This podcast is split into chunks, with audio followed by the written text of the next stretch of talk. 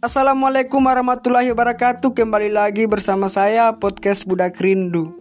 Kali ini saya akan membawakan puisi karya dari Ardinitia Gema waktu memanggil luka Mengingat akan derah mengambil ulang derita. Mendekap lara yang tak kunjung reda Seusai gemilang mendekat jemari kian mengikat. Senyumannya yang mengikat kini menciptakan sekat. Dentum kemarahan menyerang kalbu, namun yang datang malah rindu. Semakin diusir semakin menggebu, membuat urat pikiran buntu.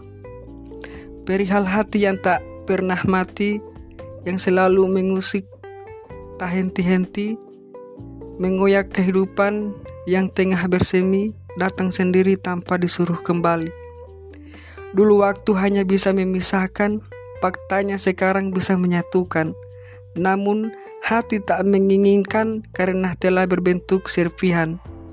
Ini semua tentang waktu yang tak kunjung menyatu di bawah naungan rindu. Bertajuk asmara di laut biru.